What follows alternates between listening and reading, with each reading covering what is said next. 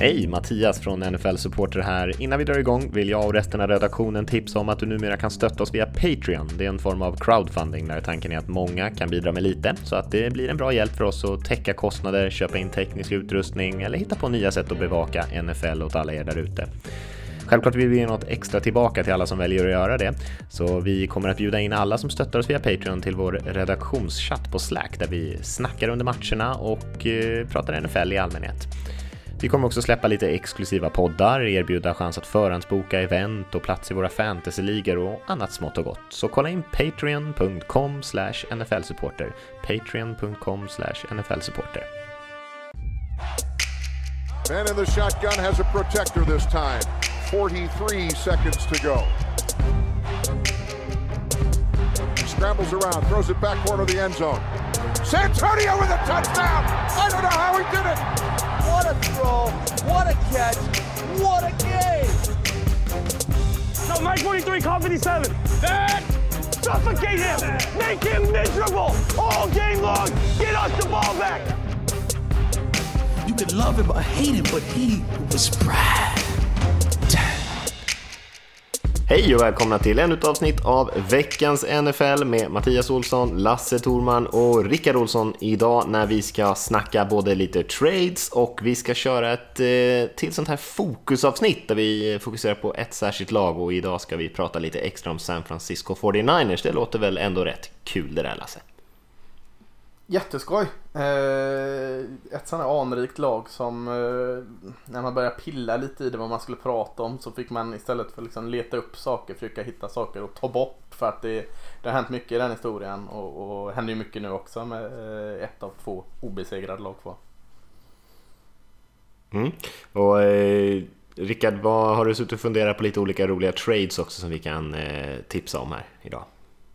Ja, jag har försökt komma på så många eh, bra som möjligt. Jag ska försöka begränsa mig så att jag inte drar en miljard tänkbara scenarion. Men eh, några enstaka. Ja, men det är verkligen två sådana där ämnen som, precis som du säger, som är 49ers. Men det blir alltid roligare när man får eh, börja stort och så får man ta bort de grejerna för att det finns jäkla mycket att säga än tvärtom att man får liksom krysta fram.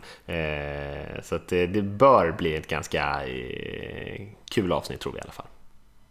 Mm. Vet ni vad deras maskot heter förresten? 49ers. Nej. Det är sånt som jag fick ta bort men jag kunde inte hålla mig nu här.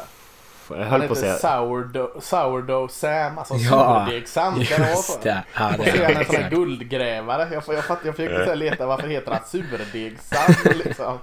Kanske någon har lyssnat här men det, det, det, är ju en guldgrävare då såklart. Eh, Innan hade de en åsna. Eh, Sen kom surdegssam och tog över showen. Det där är kul för de har ju- fått lite skit, särskilt av typ Oakland-fansen på andra sidan bron där, att det är liksom bara massa hipsters som håller på San Francisco. De sitter där och dricker sitt vita vin på läktarna och bakar surdegsbröd och grejer. Så heter han Sourdough Sam, det var ändå lite kul. Ja. Ja. ja, det var jag tänkte. Chardonnay Charlie kan komma in sen och vara en sån här halvtidsunderhållning så har du två flugor i Det är bara ett vandrande vinglas liksom. Ja, jag med. Överklasslag. Jag vet kanske inte om NFL skulle gilla det som en symbol kanske, men eh, ja. Moral, moralpaniken är total. Men eh, innan vi kommer in där, det har ju varit lite trades redan faktiskt, vi kan väl börja med lite sådana nyheter innan vi eh, eh, pratar lite av våra egna eh, framtida scenar- scenarion, det som kommer hända. Eh, så att eh, först kan vi ju lämna att Diggs har blivit tradad, inte Vikings wide receiver då, utan safety Quandre Diggs som går från Lions till Seahawks eh, mot ett val i femte rundan. Eh, är väl ingen sådär eh, super... Eh, Supernyhet, det kommer lite dyrare spelare här lite senare i nyhetssvepet, men ändå en som är värd att nämna kan jag tycka. Seahawks har ju inte varit helt nöjd med framförallt kanske Tedrick Thompson där i sitt eh, backfield. Nej, Mångsidigt eh, Conrad Diggs också. Kan ju spela både corner, nickel och safety. Eh, eh, men Lions har väl använt honom mest som safety va? Mm, senaste två åren. Ja. Mm. ja mm, men det är alltid gott att få in en mångsidig där när det är lite tunt. Som det väl är i Seahawks secondary. Mm, det är det verkligen. Eh, om vi kan fortsätta på det här trade-spåret så har vi ju två receivers som har blivit bytta också. Vi kan börja med Emmanuel Sanders eh, som eh, har gått från Broncos till 49ers som vi ska prata lite extra om idag då. Eh, och det var Sanders och ett val i femte rundan mot eh, ett val i tredje och ett val i fjärde som gick tillbaka då, då kan man säga till Broncos från 49ers. Mm, ja, vad Broncos där, eh, Rickard? Eh, nej, alltså jag, eh, jag, tycker att det är ett bra byte av 49ers. De, de, behöver en wide receiver. Jag tycker inte att det är jättedyrt. Eh, sen visst, Sanders är free agent nästa säsong. Nu har de en chans att kanske se vad de har i honom, signa honom om de vill. Eller så släpper de honom så får de någon sorts compensatory pick sen efter. Men, och, och mm. Broncos, det är väl bara att skeppa iväg allt de inte kommer behålla nästa säsong. Det är ju klokt. Så nu fick de ändå någonting för honom. Ja, verkligen. Ja, en, eh, jag vet inte vad han är, 33 någonstans, strax över 30 i alla fall, kommer, kommer tillbaka från mm. skada den här säsongen och eh, som sagt inget kontrakt nästa år så att eh, det är ju allt man kan få är positivt skulle jag säga. Men för 49ers som du säger Rickard så fyller ett stort behov. Eh, vi kan eh, också nämna Mohamed Sanu eh, som, det är en sån där spelare som väldigt många ty tycker om väldigt mycket ändå får man ändå säga. Han har många fans där ute, framförallt runt om i media känns det som, wide receivern. Och han går till Patriots från Falcons mot ett val i andra rundan. Så att ändå ett hyfsat pris för Sanu som har varit spelat i ligan ett tag nu. Jag tyckte det kändes ganska dyrt alltså om, om vi säger att det var lite mer eh, i, välbalanserat eh, 49ers Broncos så känns det som att Patriots gav upp lite väl mycket för Sanu. Eh, är, han, är han så bra verkligen? Eller är det underskattning från min sida? Jag, jag vet inte, vågar man, vågar man någonsin Kör. ifrågasätta vad Patriots gör? Det är det som är så, jag tycker också att det låter dyrt men så känner man så här, fan, de, de verkar lyckas med mycket av sina drag, framförallt sina trades. Man känner alltid sig lurad när Belichick är med på något hörn. Fast jag, jag, jag tänkte också lite det, men så, så, så jag tänkte tillbaka. Det är ganska mycket liksom sån här one and done i, i Patriots också. Det är kanske är en del av deras taktik liksom. De är inte rädda på att liksom, rotera i truppen. Det är ganska mycket swing and a miss också. Kanske inte när de tradar, men mycket av deras free agency blir ju ingenting liksom. Så att, eh, jag, jag ställer mig skeptisk tills han eh, liksom in your face med sina, eh, sitt bidragande spel. Ja, nej, jag tycker att det är okej okay i den situationen de är i. Men eh, det är klart att eh, visst känns det lite dyrt, men man får också tänka på att Patriots val i andra rundan är ju nästan ett val i tredje rundan höll jag på att säga. De draftar alltid så sent så att det är långt, långt ner i andra rundan som vi pratar. Så det är ju inte som, eh, det är liksom inte värt lika mycket som Dolphins val i andra rundan, inte i närheten. Ehm, och därför tycker Nej. man väl att man kan ge upp det här lite grann. Sen nu är ju också en receiver som har passat bollen en hel del så att jag och många andra eh, skojade runt lite grann på Twitter om vad vi nu kan vänta oss för typ av trickspel där man har både Edelman som är en före detta college quarterback och Sanu som har passat åtta gånger i NFL och satt sju av de passningarna för fyra touchdowns och 250 yards och sånt där, nästan en, jag tror han har en perfekt passer rating. Eh, så, så är ändå ganska duktig på att passa bollen från receiverpositionen, så får vi se om de hittar på någonting spexigt med honom där. Men eh, jag tycker att han är en ganska duktig spelare och Patriots var nog ganska desperata med tanke på Antonio Brown-historien och allting. De är nog inte nöjda med vad de har. Nej, nej. Vi får se. Eh, vi hoppar vidare eh, till det mm. som eh, vi eh, hintade lite om där. Eh, snacka lite trades, potentiella trades. Det är ju deadline den 29 oktober. 22.00 går deadlinen ut. Sen får man inte trada längre förrän säsongen är slut. Och Eh, vi har kikat på lite olika eh, byten som vi tänker kan vara rimliga. Är det något mer vi vill säga om trades i NFL rent generellt sådär? Eller ska vi bara gå direkt in på vilka spelare vi ser kan börja röra på sig och var de kanske kan hamna? Nu fiskar du eftersom vi skulle säga något generellt om trades här. Har du något generellt du vill säga om trades Mattias? Nej, jag har faktiskt inte det. Eh, eh, det har jag nog inte. Nej, i så fall kan vi hoppa direkt in på, på spelarna i så fall.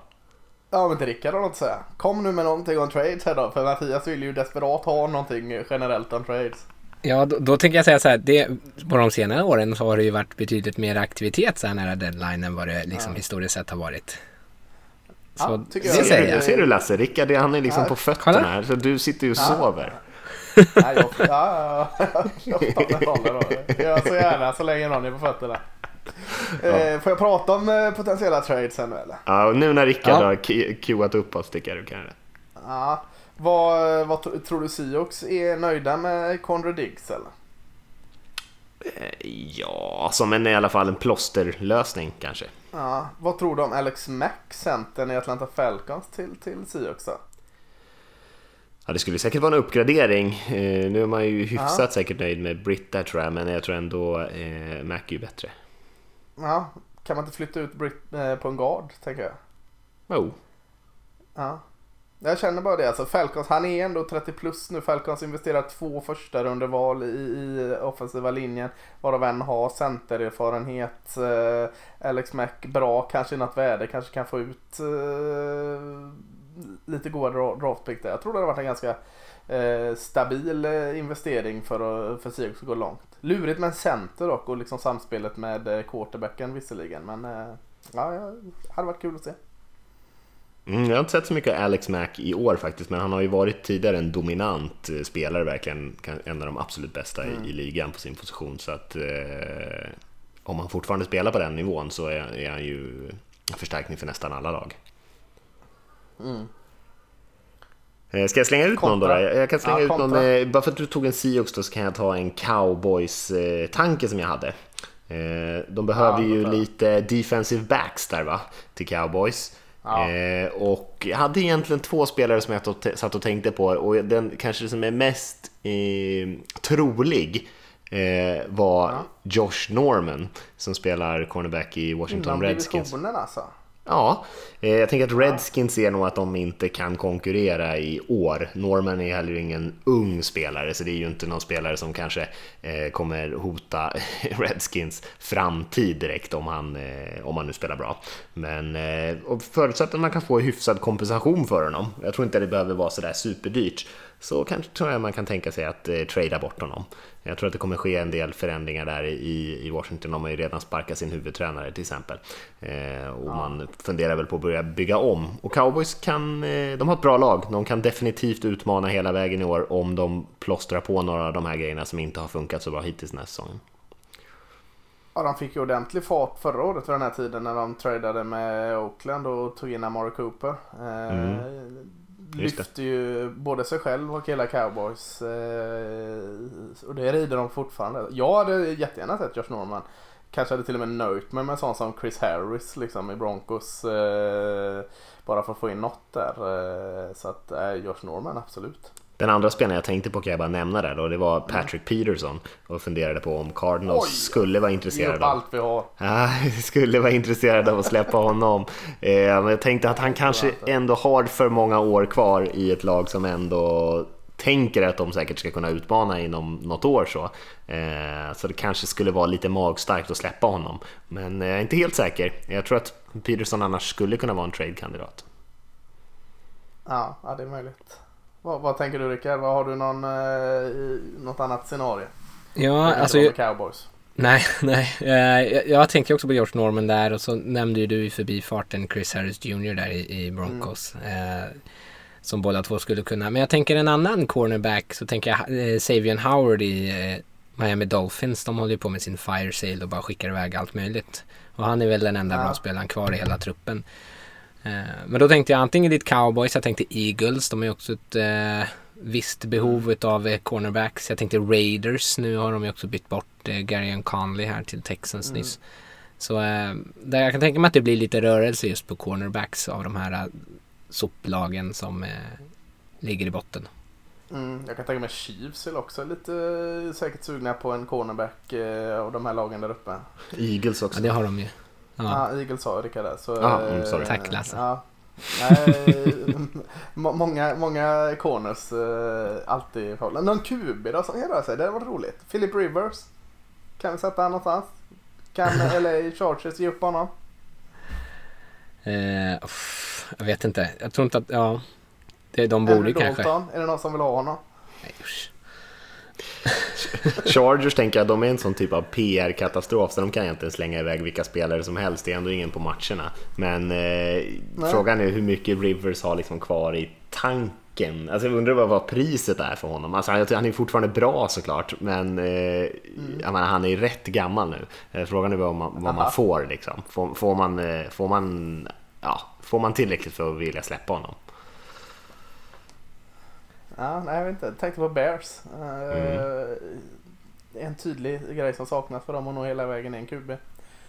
Philip Rivers, ja, jag vet inte. Hur ser, eh, hur ser det ut med Nick Foles då? När är han tillbaka? Just det. Det skulle väl vara det. Om Minshumania där fortsätter i Jacksonville så skulle ju de kunna trada bort Nick Foles. Han är Ja, tillbaka i träning den här veckan, så han skulle potentiellt kunna vara tillbaka ganska snart. Ja, ja det där har vi också någon. Eh, jag vill placera dem i, eh, Bears. Det är väl där Tennessee, men är, är de köpare verkligen? Nej. Nej. Nej, jag tror inte det. Alltså det är så mycket problem med deras anfall som det är. Är Colts nöjda med Jacoby Brissett? Ja. Eller eh, det ska de Det tror jag. Det Ja. tror jag. Mm. Ja, nej, då är det Bears möjligtvis som eh, kan tänka sig en QB. Mm. Ska man slänga ut ett annat så stort namn då skulle jag kunna tänka mig, inte en QB, men eh, att eh, Von Miller i eh, Broncos, att de, där har de en spelare som eh, Mm. har enormt värde. Jag vet ju att han är liksom eh, stadens hjälte. Mm. Men eh, fan, de kommer inte kunna utmana liksom under tiden som han fortfarande är så här dominant. De, och, hade de tänkt att de ska skaffa sig en utav ko- eh, de här bra quarterbacksen i årets draft, då måste de ha lite draftkapital. Så kan de skicka Von Miller och plocka upp några, något första val eller något annat. Så, någonting måste de göra för att de ska kunna välja högt. Nu kanske de kommer ramla över ett par vinster till och så draftar de nummer sex totalt och då är de ju, inte- kommer de ju inte kunna få en av de här startande, eller de här super quarterbacksen. Alltså det är intressant tycker jag. Alltså, men det är sådär, Ja. och många av de här stora tradesen tänker man ju, det där kan aldrig, aldrig hända. Men så tänker man Khalil Mack förra året. Alltså det är ju precis, precis. samma sak. Det var ju precis lika totalt omöjligt att de skulle byta bort honom. Amari Cooper hade definitivt kunnat tänka mig att de skulle byta bort, men ingen trodde i, i NFL att de skulle trada bort Khalil Mack. Eh, liksom ung, superstjärna, eh, som fortfarande har många goda år kvar och liksom favoritspelare för många, många av fansen. Och det är samma sak med Miller här som du säger. Det är ju lite som att Houston skulle trada bort JJ Watt efter att han liksom har samlat in 800 miljoner till välgörenhet till, till Houston typ, eh, när staden typ brann ner där eller vad det var. Eh, så det, det känns ju liksom helt otänkbart att man ska trada bort en sån, sån typ av spelare, men, men ingenting är väl omöjligt. Översvämningar, kan du inte någon naturkatastrofer? Så var det, ja. Det är så många Samma sak, eld och vatten, det är väl typ samma Ja. grej. Eh, jag tror bara Rickard vill bli av med Von Miller från, från divisionen. Det skulle vara. Gärna. De kan, få de kan få skicka honom till Raiders, det är helt okej. Ja, ja, precis. Ge upp det man fick för Khalil Mack så är det så här, tillbaka på ruta ett. Får jag, tippa, får jag dra, slänga in en, en mer, kanske mer eh, lättsmält trade i så fall om vi ska snacka pass rushers? Ja, gör det. Eh, jag tänkte på Vic Beasley. Eh, Har också honom uppskriven här. som Mm. Vem fan ska byta till sig honom? och jag tänkte på Patriots då. Eh, jag tänker mig, det är något sånt där man tänker sig, hur ska de, eh, Eh, eller varför skulle de investera i den positionen där de redan har spelat så bra försvar, men de har inga självklara pass rushers. De älskar mångsidiga, flexibla, atletiska spelare. Eh, jag vet inte om ni såg den här matchen senaste Falcon spelade så var ju Vic Beasley bland annat på ett spel, även fast det blev touchdown in i hans coverage, så- var han, sprang han liksom med en running back tror jag, drygt 25 yards från liksom line of scrimmage ner i, i pass coverage. Eh, och det är inte typ alla, det, är inte alla pass rushers som överhuvudtaget får ett sånt uppdrag. Eh, han är ju väldigt, väldigt speciell Beasley rent atletiskt. Sen har han inte producerat heller, han har ju haft eh, bara en och en halv sack i år, hade fem sacks förra året, fem sacks året innan det, lite problem med skador, men jag tänker att han är en typisk spelare som Patriots jagar efter. En lite halvt Eh, avdankad eller misslyckad första rundeval som har supermycket potential men kanske inte riktigt får ut det. Eh, nu spelar han för ett lag där man har en yngre pass rusher som levererar på en högre nivå i McKinley och eh, ja, kanske att man, har, att man har börjat tröttna lite grann på Vic Beasley och Patriots får honom för ett val i andra eller tredje rundan eller något sånt där. Mm, ja, men det är möjligt. Eh, en sista innan jag släpper greppet. Eh, Washington igen som säljare eh, och Trent Williams, eh, offensive attacken. Browns behöver ju skydda Baker Mayfield där. Trent Williams må vara lite upp till åldern men är fortfarande väldigt bra och, och jag tror inte Browns har gett upp i en ganska svag division än riktigt. Framförallt inte med den satsningen de har nu. De kan likväl satsa lite till. Eh, in med Trent Williams där och, och hjälp Baker Mayfield. Mm. Uh, ja, det där är något som de verkligen borde göra. det känns så logiskt att uh, man undrar om det någonsin kommer hända. Det borde kanske redan ha hänt till och med. Uh, ja, lite så. Men ja, det är en annan spelare som det pratas mycket om är AJ Green också, receivern. som man också tänker så här, mm. det här måste ju bara hända. och hela Bengals har ju massor av spelare som är intressanta på defensiva linjen. Gino Atkins, kanske Carlos Dunlap har jag sett många lyfta som en potentiell trade-kandidat mm. också på defensiva linjen som är en jättebra spelare som inte får så mycket uppmärksamhet. Ja, verkligen. Ska vi, ska vi lämna där eller? Annars så eh, får vi snart här runda av och då har vi inte ens börjat på den här. Rickard, du hade ingen du ville lyfta mer? Nej, det känns som att nu har vi bränt igenom ganska många. Ja, nej, men spännande med trades i alla fall. Det brukar ju, eh, brukar ju bli ett par eh, grejer som händer precis innan deadlinen där som vi har varit inne på. Så att man får väl sitta där på, eh, på kvällen där den 29 och hålla lite koll för det kan komma nyheter i en ganska rask takt där på slutet. Eh, mm så lämnar vi den där. Vi sa att vi skulle snacka lite San Francisco 49ers och eh, enklaste sättet att börja är väl egentligen att börja från början, höll jag på att säga, Lasse. Och du har kikat lite grann på den eh, historien egentligen, 49ers historia. Ja, eh, yes, jätterolig historia. Grundades 1946 eh, i AAFC, alltså All American Football Conference. Eh, Gick med 49 NFL i den här hopslagningen. Eh, inte där har de fått namnet 49ers. De döpte sig inte efter hopslagningen till NFL utan eh, det är ju från den här eh, guldruschen eh, 1849. Någon form av eh, massvandring till norra Kalifornien för att gräva eller vaska guld eller, eller vad man nu kallar det. Därav eh, 49orna. De som utvandrar 1849 och, och vaskar guld. Eh, inte GS Glenman Eriksson Strömstedt där utan eh, det var helt andra guldgrävare. Eh, eh lite kort, eh, fram till 69 spelade man på Keysar Stadium. Eh, fortfarande kvar i Golden Gate Park. 70 flyttade man till eh, Candlestick Park. Eh, eh, som inte står kvar. Beatles sista spelning där, bara notis för om det är några Beatles-entusiaster där. 2014 de flyttar man in där man är nu i Levi Stadium. Ligger i Santa Clara, eh, Silicon Valley. Eh, lite mer utanför stan än, än de tidigare. Eh, fem gånger har man vunnit Super Bowl. Man har vunnit 1981, 1984, 1988, 89 och 1994. Och eh, NFC West hela 19 gånger. Så att eh, ni hör, det, det, det, är mycket, mycket att gå igenom här. Jag ska inte prata om alla, alla 19 gånger när man har vunnit NFC West. Men, men eh, 40-talet inte så jätteintressant kanske. Började lite trögt allting. Men, men lite intressant är det 57 säsongen där börjar man med tre raka bortasegrar och, och så tillbaks i San Francisco. Eh, hamnar man i väldigt snabbt underläge mot Chicago Bears. Man låg under med 7-17 i paus. Och då fick ägaren eh, Tony Morabito en hjärtattack och dog i, i, paus. Eh, väldigt oklart om det är på grund av att man låg under halvtid mot Chicago Bears. Men, men eh, coachen då, Frankie Albert, fick, fick en lapp ner i omklädningsrummet eh, där det bara stod Tony's gone. Uh, tydligen fattade han vad han menade och meddelade spelarna detta. Så de, de, kom ut, säger historien då, att med tårar i ögonen gick spelarna ut och vann matchen med 21-17 för, för Tonys eh, ära liksom. Så att uh, Ja, hjärtattack för en, en halvtidspaus. Där inte Jerry Jones, Cowboys ägare än riktigt. Jerry kanske kan eh, fejka en sån där någon gång när det är en viktig match kanske. Ja men precis. Jerry's gone kommer ner där. Jason Garrett uh, applåderar bara sin patenterade handklappning och så kommer han ut och, och, och Sitter han bara och gömmer sig under stolen där uppe i logen. ja precis.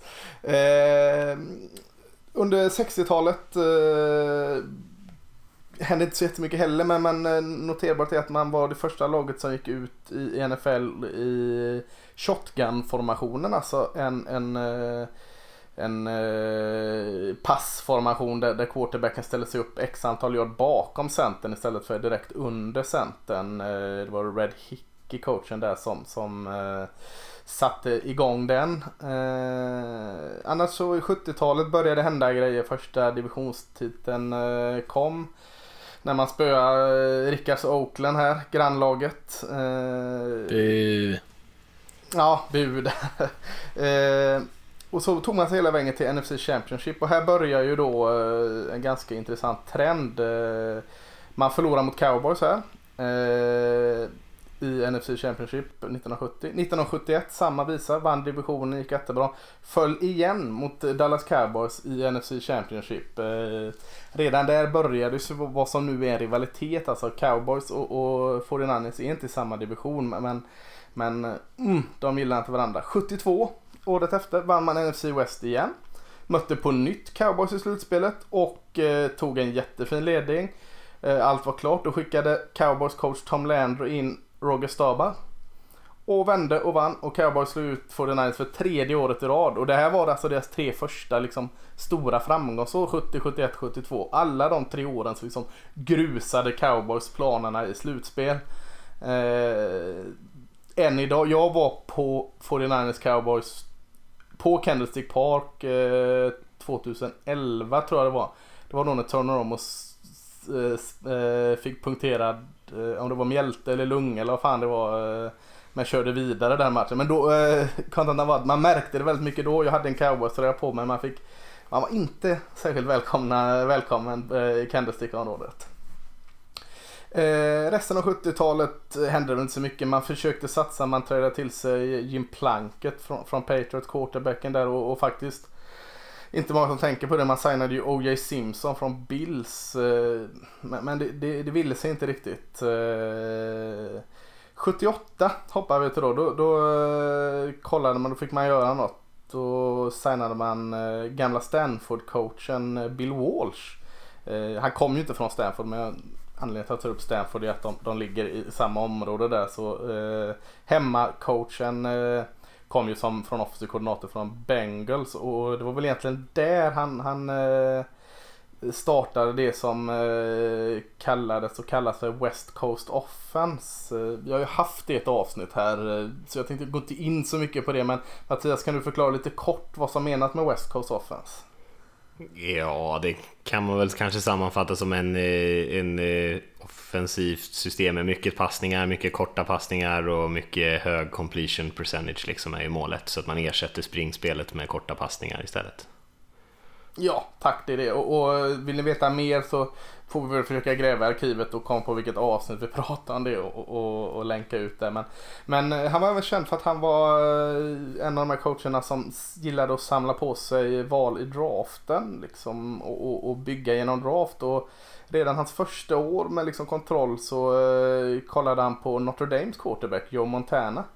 Eh, och tog honom ganska högt i första, vilket många eh, rynkade på näsa för Eh, han räknas inte att gå så högt. Man var inte sålda på hans arm och, och redan då pratade man om att ah, det är lite av en systemquarterback i college där. Eh, nej, det, det, det, var nog dumt av eh, Bill Walsh att ta den här John Montana från Notre Dame. Han, han var nog inte annat än en college QB. Tog även eh, Dwight Clark, wide receiver i tionde rundan samma år där. Och den kombon kommer jag tillbaka till här snart. Eh, eh, under tidiga 80-talet började ju de riktiga framgångarna för 49ers. Eh, efter han har fått igång det fungerande offensivet så började han tänka mm, försvaret. Och eh, Ronnie Lott kom till där. Eh, och 1981 så gick det sådär bra igen. Man kom till slutspel, gick hela vägen till NFC Championship final. Vilka mötte man där? Dallas Cowboys igen. Eh, och, och, Cowboys gjorde vad man brukar göra. Man gick upp och tog en ledning. Matchen var i stort sett klar. Eh, men i slutet av fjärde kvarten så drev Montana närmare och närmare och närmare endzone. Och tredje och tre. Eh, Montana rullar ut höger.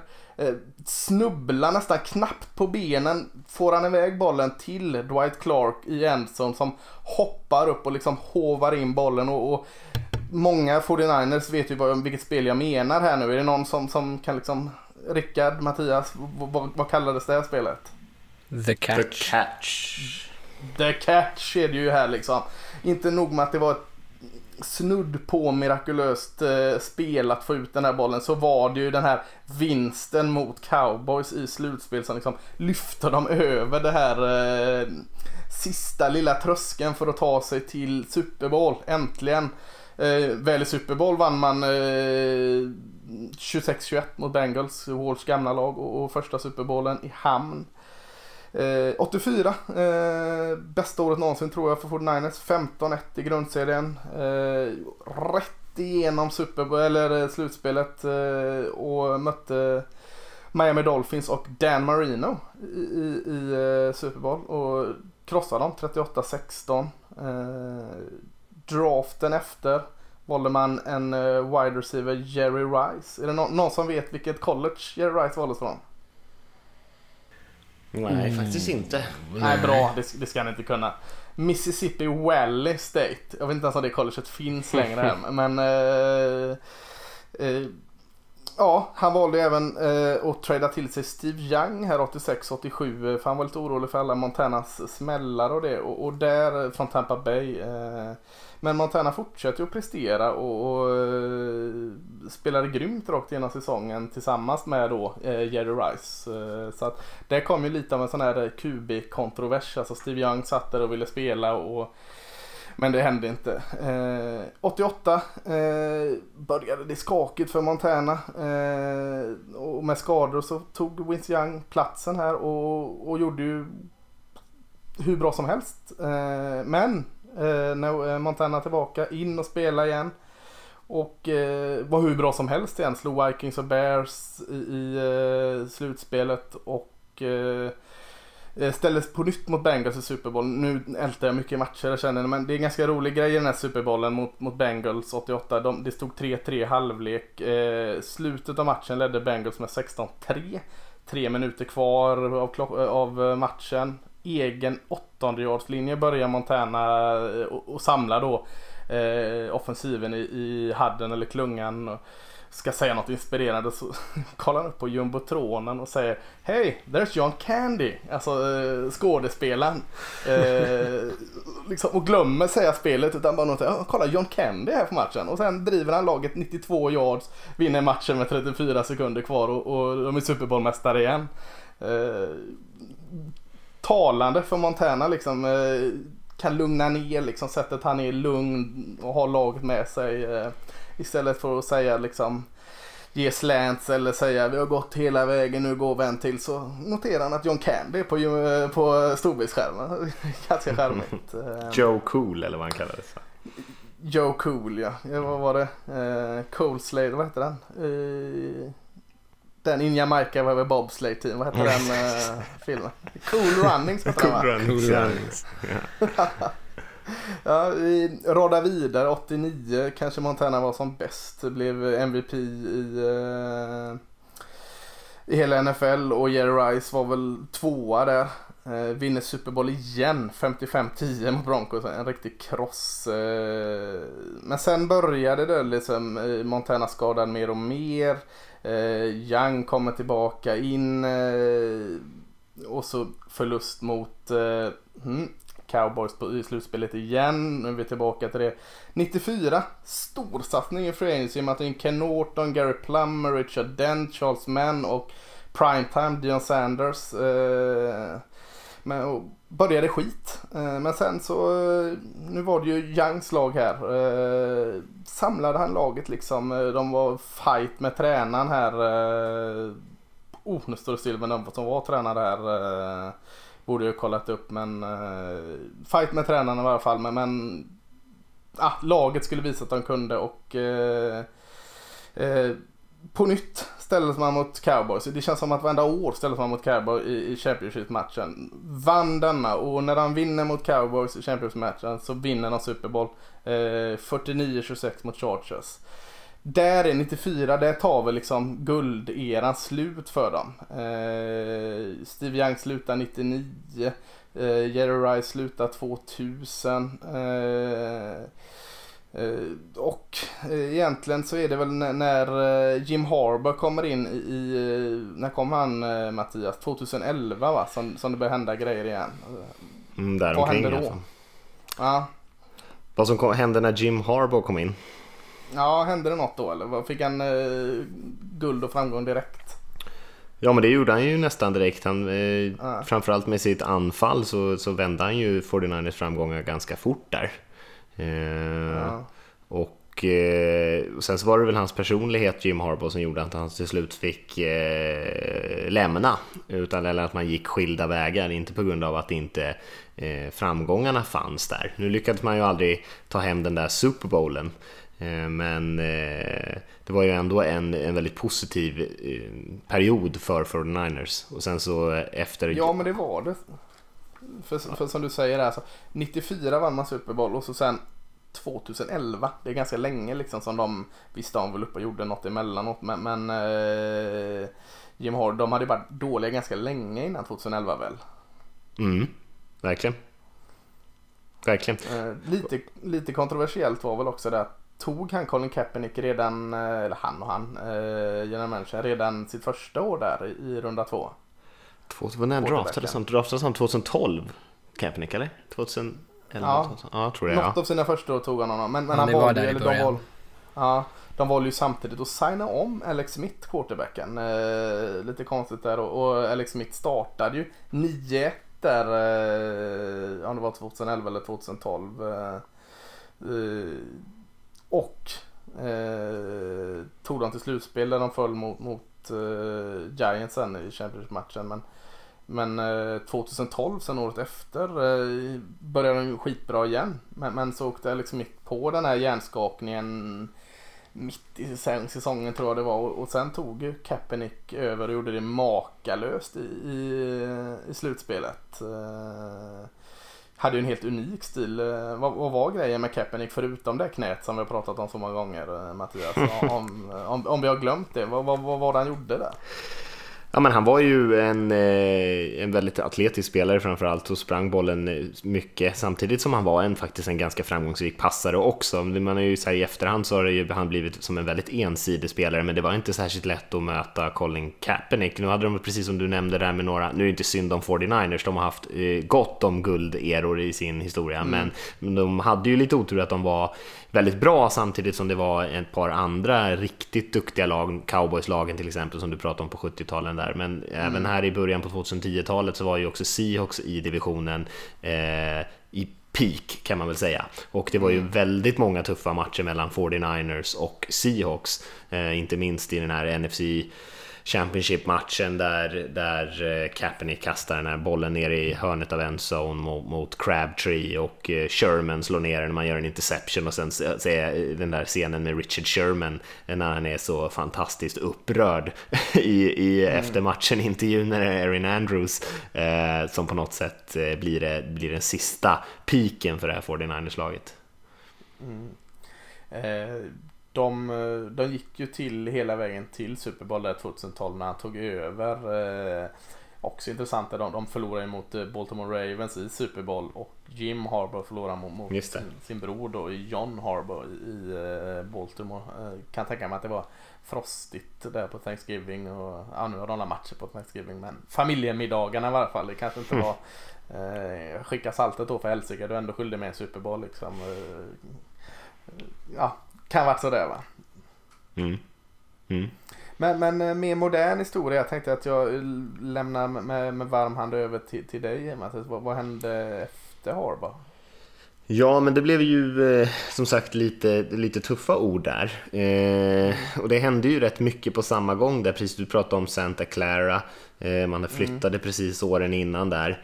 Eh, och sen eh, efter Harbour där, när eh, tog, så tog ju Jim Tom Sula över efter man hade haft lite bråk där mellan sportchef och, och Harbour eh, som tillfällig coach och sen anställde man Chip Kelly eh, och sen så gick det ju ingen vidare med någon av de två tränarna och man gjorde egentligen rent hus där. Nästan glömt att Chip Kelly var, eh, förlåt att jag bryter det, men man fan det, tänkte Eagles och så var inte han NFL med, men han var ju fasken det var ett år bara va, i ja. 49ers? Både Tom Sula och Kelly var ju bara ett år. Och sen så ja, gjorde man egentligen rent hus säsongen 2016.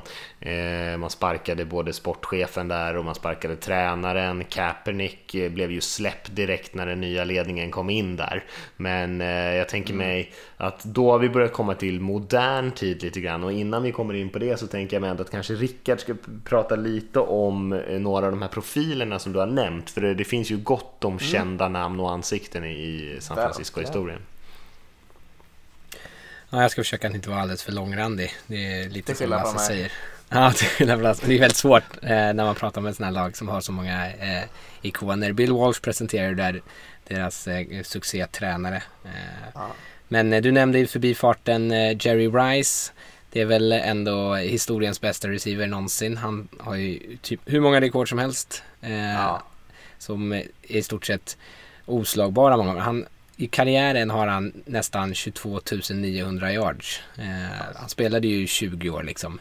Tvåan är Larry Fitzgerald, han ligger på 16 700. Alltså det här är ju ett, det här är ett absurt rekord, det, det går ju liksom inte. Och det är nästan helt Och visst var det ofattbart. så Rickard att Jerry Rice var väl ändå som bäst i Oakland Raiders va? Absolut, alla är bäst. Han var snyggast i alla fall. Om det, om det är en tröst.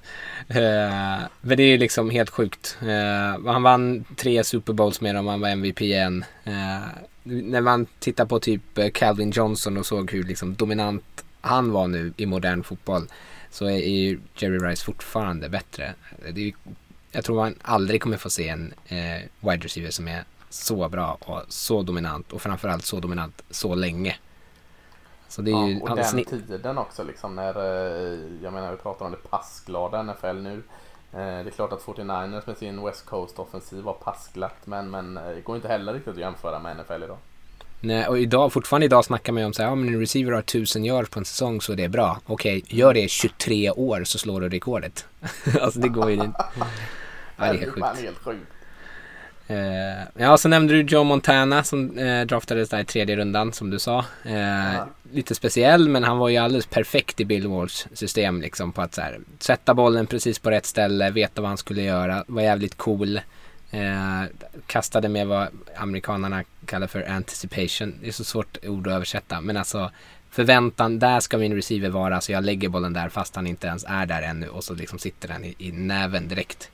Ja. Eh, många anser ju att han är en av historiens bästa. Sen är han kanske mer en systemkuber. Det är väldigt svårt att... Eh, det är svårt att bortse liksom Walsh-effekten.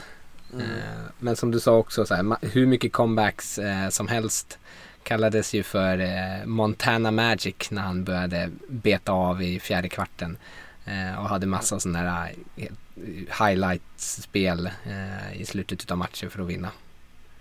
Ja, fasken det är lite hemskt eh, allt det här fina Montana har gjort och mitt så här eh, faststående minne från honom är någon reklam för eh, tvättmedel, Tide, Montana Miracle Stain. Fantastiskt bra, jag ska youtuba den, det kan jag rekommendera alla att göra. Youtuba Montana Miracle Stain. Hur bra reklam som helst. Sen kan ni youtuba highlights på den också om ni vill. När man ändå är igång liksom. Ja, Ja, så nämnde du Steve Young där som typ, svårt att, jag försökte hitta någon så här modern liknelse. Han är ju också ganska kort, jag skulle vilja jämföra honom lite med Russell Wilson om inte Mattias nu blir helt eh, eh vanärad. Men så här, en kort, man tänker sig att han kanske inte, det är inte den stereotypiska eh, quarterbacken. Men liksom livsfarlig på att springa med bollen, har ju massa rekord i det i så här rushing touchdowns och eh, yards i karriären, typ inte bäst men en av dem liksom. Men ändå så här, helt sjukt effektiv som passare. Alltid bra passer rating eh, och kunde så här eh, helt plötsligt som Mattias brukar säga om Wilson säger, inte passa på 10 minuter sen helt plötsligt passar han och så liksom, ah, den, en perfekt passning. Ingen upp, Mm. liksom, behöver inte vara i, liksom, i fas utan bara är effektiv precis då. Eh, och snårig start på karriären. Du pratade ju om att han, eh, byt, han byttes dit från Buccaneers där han liksom ansågs som ett misslyckande och så mm. var det ju den här bänkningen, eh, eller hur han och Montana liksom fick spela. Eh, de skadade sig, den ena hoppade in, spelade bra ett par matcher, spelade dåligt, bänkades, Montana kom in, eh, bänkades för att eh, Young kom in i någon mitten av en match och så höll det på, det var jättetrassligt där. Ja, Montana sa väl det någon gång där, eller efter karriären att han officiellt då var det att han ville bli tradad. Han, de tradade ju han till Kansas City Chiefs, eh, Montana, men sa det efter den att eh, vi var tvungna att göra det. Antingen så var vi tvungna att trada Steve Young eller var vi tvungna att trada mig för att det gick inte att ha två så bra QB samtidigt. Så det var ingen diss mot Young heller utan det var liksom att det gick inte, det var en ohållbar situation.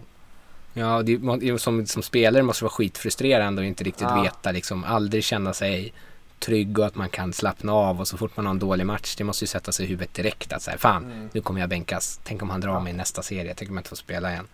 Nej. Eh, skitkonstigt. Sen nämnde du Ronnie Lott och då vill jag ju såklart nämna han, den eh, historien om hans finger. Jag vet inte om ni, om ni kan det. Jaha, jag har vagt minne av detta. Ja. Ja, det, det har ju med ditt eh, cowboys att göra. Det är sista Ja. matchen eh, på... Oh, nu har jag inte skrivit ner vilket år det är. Eh, men sista matchen på någon säsong eh, mot just cowboys så ska han tackla någon running back och sen så krossar han liksom det övre benet i sitt lillfinger. Eh, och istället för att eh, han vill...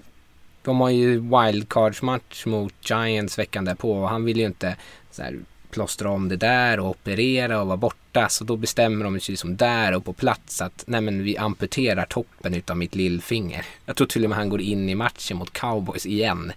Eh, de bara skär det, tejpar liksom ihop det typ lite snabbt syr och sen så bara, ja, kör. Och så gick han ut och spelade. Det är helt galet. ja, det är fan helt galet alltså. torskade den matchen mot Giants sen också veckan därpå. Alltså det liksom kostade honom ett, ett halvt finger och, han, eh, och så blir det ändå inget mer än en förlust direkt i slutspelet. Ja, det är sjukt. Och det var, det var alltså, på tal om tuffare förr och 49ers. eh, Steve Young här var någon match också den allt vände. Att, för då var det en regel att eh, gick man ut skadad och tränarna pratade med en tror jag räckte så var man tvungen att vara borta ett spel liksom. För då hade tränarna, det räckte som att det var någon sån här medical attention att tränarna pratade med. Så han typ kröp av planen och så fräste mot tränarna. Kom inte nära mig, jag ska in nästa spel igen. Halta Alta ut för att han visste ju att det, kom någon tränare och pratade med honom då fick han inte spela spelet. Så att eh, ja, de ville en hel del de här eh, vinnarskallarna. Ja, galet. Och sen så för att ha någon sorts typ av modern, för när jag tänker mig så här, vilka två profiler för 49ers är liksom från kanske min tid av åskådare, då tänker jag på Navarro Bowman och Patrick Willis, deras två linebackers som de hade där. Eh, mellan typ 2011 och 2013 kanske framförallt när de var, turades om och var liksom den bästa och den näst bästa linebacken i ligan och det var en, en, en duo som var helt helt absurd och när de spelade. Man kände som att man kunde inte springa bollen, man kunde inte passa bollen, man kunde typ inte göra någonting. Eh, två stycken som, jag, jag tycker båda två är hemma i eh, eh, Hall of Fame. Nu vet jag inte om båda är inne. Nej, är de Bowman kan inte vara inne i alla fall. Patrick Willis blev i alla fall invald. Patrick Willis blev invald i College Hall of Fame vet jag eh, i år. Eh, Jag tror In med dem båda två i alla fall. Fan vad Ja. bra de var. Förskräckligt. Nej, Patrick Willis kommer man ju ihåg eh, verkligen tydligt som en, en, en unik spelare. Sen är den där typen av snabba, eh, atletiska linebacker som vi kanske ser vanligare idag, även fast han också var en väldigt fysisk spelare. Men eh, Eh, var ju en absolut superstjärna. Man kommer ihåg att, för det har vi inte nämnt här nu, men det var ju en period där, där massor av 49ers-spelare började helt plötsligt eh, gå i pension i, i förtid för, på grund av hjärnskakningar och andra grejer. Patrick Willis var ju en sån spelare som avslutade sin karriär innan det kanske egentligen var dags rent fysiskt för han i övrigt. Eh, och han är väl lite i skuggan av Ed Reed under den här perioden kanske. Eh, för han var ju tillsammans med Reed de- den bästa linebacken i NFL. Ja, Ray jag menar, ursäkta mig, Ray Lewis menar jag Ja. såklart. Blanda ihop Ravens eh, giganterna där. Jag menar såklart Ray Lewis. Ja, eh, jag, tänk, jag tänker både på Patrick Willis och Navarro Bowman att eh, då tänkte jag så att fasiken vilket slöseri med två så bra spelare för under den här tiden, nu har jag bara pratat om gulddagar här med 49ers men, men eh, under den här tiden, större delen av deras karriär, det var väl mest i slutet, så var ju 49ers riktigt dåliga. Alltså eh, det var typ några bra försvarspjäser och sen that's it. Eh, och, och som Mattias sa innan, Seahawks dominerade ju stort eh, den divisionen då. Jag tyckte alltid att det var som slöseri att de två liksom fick vara i 49ers och aldrig fick liksom uppleva framgång. Mm. Ja, sen hade jag inte så mycket mer profiler att lyfta. Eller det Nej. finns ju tusen men eh, nu Ja, men ska vi hoppa till lite... Får jag prata om varför Lasse egentligen ville att Varför Lasse egentligen ville att jag skulle vara med? Mm. Det var ju för att jag skulle få prata om föraktet mellan 49ers och Raiders. Det vill jag höra. Det är som den här svenska serien Bron, du vet med hon eh, snuten som hittar en kropp mittemellan. Så, så här, det, det är ju hämtat från eh, Bay Area Battle här mellan eh, Oakland Raiders och San Francisco 49ers på, på varsin sida bro. Så eh, skjuts in och berätta här eh, Rickard. Ja, jag brukar alltid tänka på det var Dave Chappelle, komikern, han har någon eh, stand-up show där han börjar med så här, fan vad trevligt det är San Francisco. Jag, jag funderar på hur, hur han har fått det så här härligt och så insåg jag att ni har bara skeppat över allt skit på andra sidan bron. så det är Oakland. Och det var så här när vi, när liksom Colosseum, när vi spelade på Colosseum och så hade de sin nybyggda lilla arena där i Santa Clara så var det ju så jävla eh, verkligen de här skillnaden mellan då Chardonnay eh, 49ers och Betong Raiders. Men eh, jag ska inte göra så superlångdragen med det här heller. Men eh, det är ganska kul för de, det är ju verkligen ett rejält hat. Och förut så brukar man spela så här försäsongsmatcher som så ah gud vilken kul grej. De två lagen får möta samma sak som typ New York-lagen gör. Men eh, mm. 2011 på en försäsongsmatch då blir en, en eh, 49ers supporter skjuten fyra gånger i magen. Eh, och då gick NFL in direkt och bara, men det här funkar inte längre. Och det här var liksom kul, en kulminering på att det så här, varje gång på de här försäsongsmatcherna så var det skitstruligt, alltid massa bråk och så här, hur mycket problem som helst. Och så, en jävla spårvagn eller tåg, BART, ut mot Colosseum, det var alltid slagsmål på den. Eh, så det säger en del om, ja, om hatet. Och så är det ju så, just de här eh, skillnaderna, kontrasterna mellan liksom, det som eh, Oakland eh, kanske inte uppskattar eh, sin image som så här bråkig, stökig getto och eh, liksom den fina överklassen på 49ers. Så man förstår ju att det kanske eh, de två sidorna kan reta varandra på något vis. Jag minns också ja, att det var någon ja, som ja. blev kastad. Eh, det var ju någonting där med att någon blev kastad från du vet, eh, ett övre etage på läktaren ner till liksom nästa nivå och sådär. Det var också under någon försäsongsmatch som så inte spelar någon roll överhuvudtaget. Yeah. Så jag kommer, och någon som stod och pissade ner också från övre etagen ner på. Ja, det var mycket där, kommer jag ihåg, precis som du nämner, eh, under en stund. Jävligt mycket korvkastning också tydligen. Framförallt i Colosseum. Att kommer man dit i en eh, 49ers tröja får man beredd på att liksom ta 15-16 korvar nedkastade på I alla fall lite mer oskyldigt än att bli skjuten i magen. ja, kanske det. Sist jag var i 49ers så gick jag in i någon, någon eh, sportaffär och snubblade över någon sån här gammal Oakland spel linebacker. Eh, eh, som satt där och signerade foton och grejer. Jag tänkte det, det fick jag ju ta då liksom en signerad bild och så jag vet knappt vem det var, practice-skådespelare.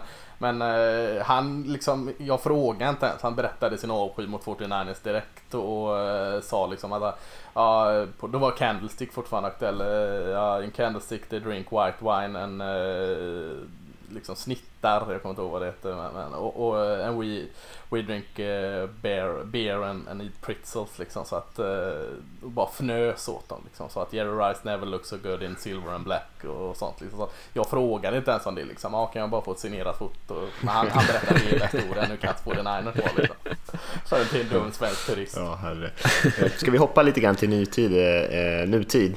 Eh, för mm. Jag kan väl plocka upp mm. egentligen tråden där när jag sa att de hade gjort städat rent där efter 2016. För det som hände då var ju att man anställde eh, det som, han som är mer känd som tv-kommentator just då, John Lynch, gammal safety i NFL.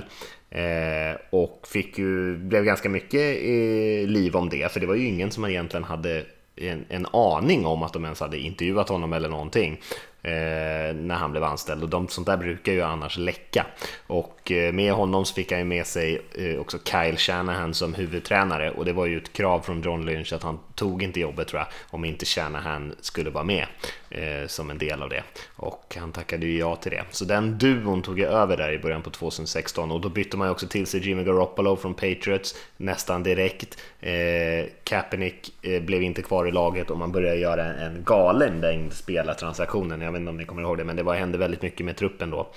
Eh, och så det är väl inte någon som tänker på det nu heller direkt, men Lynch fick ju rätt mycket kritik där i början. Han betalade ju rätt högt pris för många av sina värvningar, både så kontraktsmässigt eh, och även de, de, de trader man gjorde, även fast de hyllades för den här Garoppolo-traden. Jag vet att vi pratade om fullbacks förra avsnittet Lasse, eh, hur mycket de betalade mm. för Kyle Juicecheck där när de signade honom på en deal för en fullback. Eh, och dessutom inledde man den här första säsongen 2017 med nio raka torskar också. Så då var det ju verkligen inte positivt, utan det var ju extremt så här, vad, vad har de, håller de här på med? Eh, är de, har de liksom tagit sig vatten över huvudet?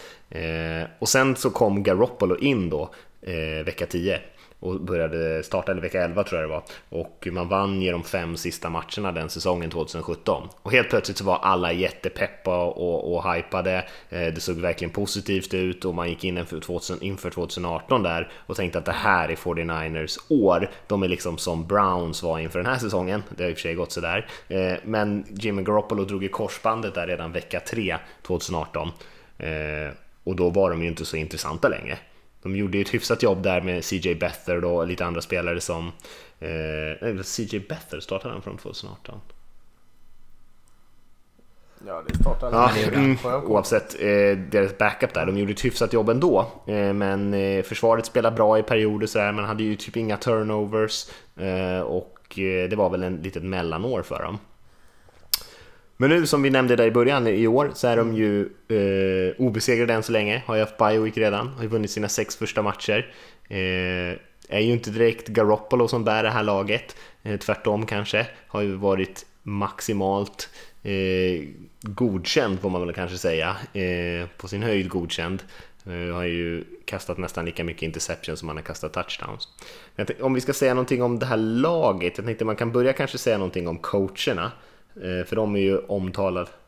Mm, Kan jag få fråga Ja. en sak innan? Bara, bli, eh, bara lite nyfiken när, det- när liksom det här med att eh, man hade höga förväntningar när man gick in i 2018 och så gick Jimmy Garoppolo ner efter tre veckor och så gick det liksom skit. Eh, kan det vara någon sån här eller Shanahan har, har eh, ändrat om lite så att man inte är så beroende av ett, ett eh, bortfall av en QB i det man ser i år. Du kanske ska komma in på det men de spelar ju inte alls en offensiv fotboll som är vidare beroende av om Garoppolo är bra eller inte. Det är väl gott om han är bra men eh, känns inte som att han står och faller med en bra eller dålig dag med honom. Kan det ha Nej, jag tycker du har rätt. Alltså, jag vet inte om QB-spelet är inte sådär jättemycket bättre i år med Garoppolo än hans backups på fjolårssäsongen. Eh, och anfallet är kanske inte sådär jättemycket bättre heller som helhet. Det stora skillnaden är ju på försvaret och det är framförallt i antal turnovers eh, som, eh, och stora spel på försvaret som Ja, de hade typ tre stycken på Jag tror man förra två interceptions i alla fall eh, på en hel säsong. Och Ja. eh, ja, det är väldigt få turnovers. Och eh, det hjälper ju såklart inte om det är försvaret som ska bära laget. Nej men som sagt, jag tänker vi kan säga någonting om coacherna ändå. Vi nämnt Kyle Shanahan där, vi pratat om honom lite tidigare. Lasse, en av mina favorit offensiva coacher i alla fall. Eh, och det är ju det han är känd för också. Eh, hans farsa, Mike Shanahan, eh, hade ju, var ju också en offensivt eh, en- framförallt känd som en offensiv coach och Kyle Shanahan jobbade ju under pappan Mike också. Deras spelsystem är ju väldigt lika också. Ehm, vi pratade kanske om någon typ av eh, West Coast-anfall då, fast med ett eh, väldigt effektivt zonspringspel inbyggt i det, så att man passar kanske inte bollen lika mycket som man gör i ett klassiskt West Coast-system. Det är mycket play action, eh, eh, väldigt balanserat, det är fullbacks, gärna dubbla tight end formationer, den typen av grejer, så ofta tunga formationer ändå. Eh, Det är lite intressant med Sanders här kan man väl också nämna för att eh, historiskt sett så har ju Shanahan eh, alltid matat sin nummer ett receiver med väldigt mycket targets. Såg det med Julio Jones till exempel som hade en säsong i, i Falcons där när Shanahan var, var coach där så hade han ju över 200 targets på ett år. Eh, men man har ju inte riktigt någon nummer ett receiver. Och eh, enligt Shanahan så, så ser han Sanders som den typen av spelare. Så eh, vi får väl se, men jag tänker mig ändå att det kan bli ganska mycket att göra för, för Sanders i sitt eh, nya lag här. Nya, nya Jerry Rice eller Terrell Owens eller de har haft ganska bra nummer ett receivers innan. Stora, Och stora Shanahan har haft ganska bra nummer ett receiver i sin karriär, bara som coach också. Han hade Ja. ju eh, Andre Johnson bland annat innan och sen Julio Jones. Eh, men även mindre eh, liksom creddiga spelare har ändå fått mycket, mycket jobb. Hoppa till försvarssidan där, vi har redan eh, nämnt någon gång Robert Sala tror jag. Eh, defensiva koordinatorn är ju superhypad nu som en av de här stora, eh, en av de hetaste headcoach-kandidaterna eh, framöver här nu. Eh, många tror att han kommer landa ett sånt jobb. Eh, Men kanske inte ska säga sig det jättemycket om försvarsstrategi. Det är liksom ännu klurigare tror jag för folk att hänga med i en, en anfallssidan. Men man kan väl i alla fall säga att de spelar en typ av eh, 4-3 eh, hybrid med mycket cover 3 press, eh, eh, spel, väldigt likt Seahawks. Berätta för alla vad- snabbt. Cover, eh, cover 3. Berätta Tre det djupa, är, eh, tre djupa zoner kan man säga. Eh, med sina defensive det. backs. Ett, ett system som vi så Seahawks spelade systemet. Eh, Salah kommer ju från Seahawks ursprungligen, jobbade där 2011-2013. Eh, och har tagit med sig mycket av det. Sen har han gjort om det lite grann för att passa kanske lite mer de spelarna han har nu.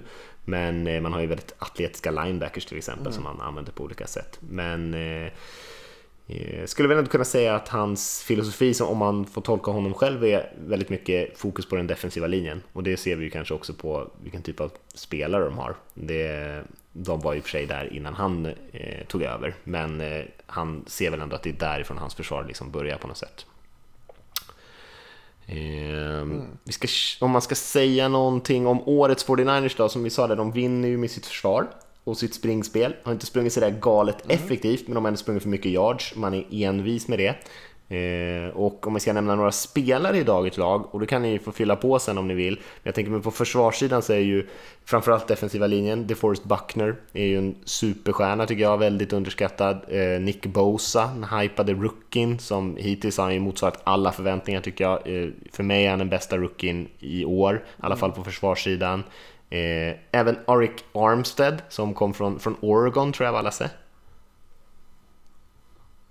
Ja, stämmer. Även Ja, ja, just det, det ser du. Eh, har ju varit jättebra i år. Han har ju spelat väldigt sådär mittemellan bra tidigare, varit på gränsen till eh, överdraftad i alla fall, men eh, gör sin bästa säsong. Så att han om inte, han spelar ju på sitt 50 year option också, så om inte 49 signar honom så kommer han att vara hett byte tror jag sen på, på den öppna marknaden. Sen har de ju D Ford också och Ronald Blair som spelar väldigt bra på defensiva linjen. Eh, som jag sa, två atletiska linebackers, Quan Alexander, Fred Warner på mitten.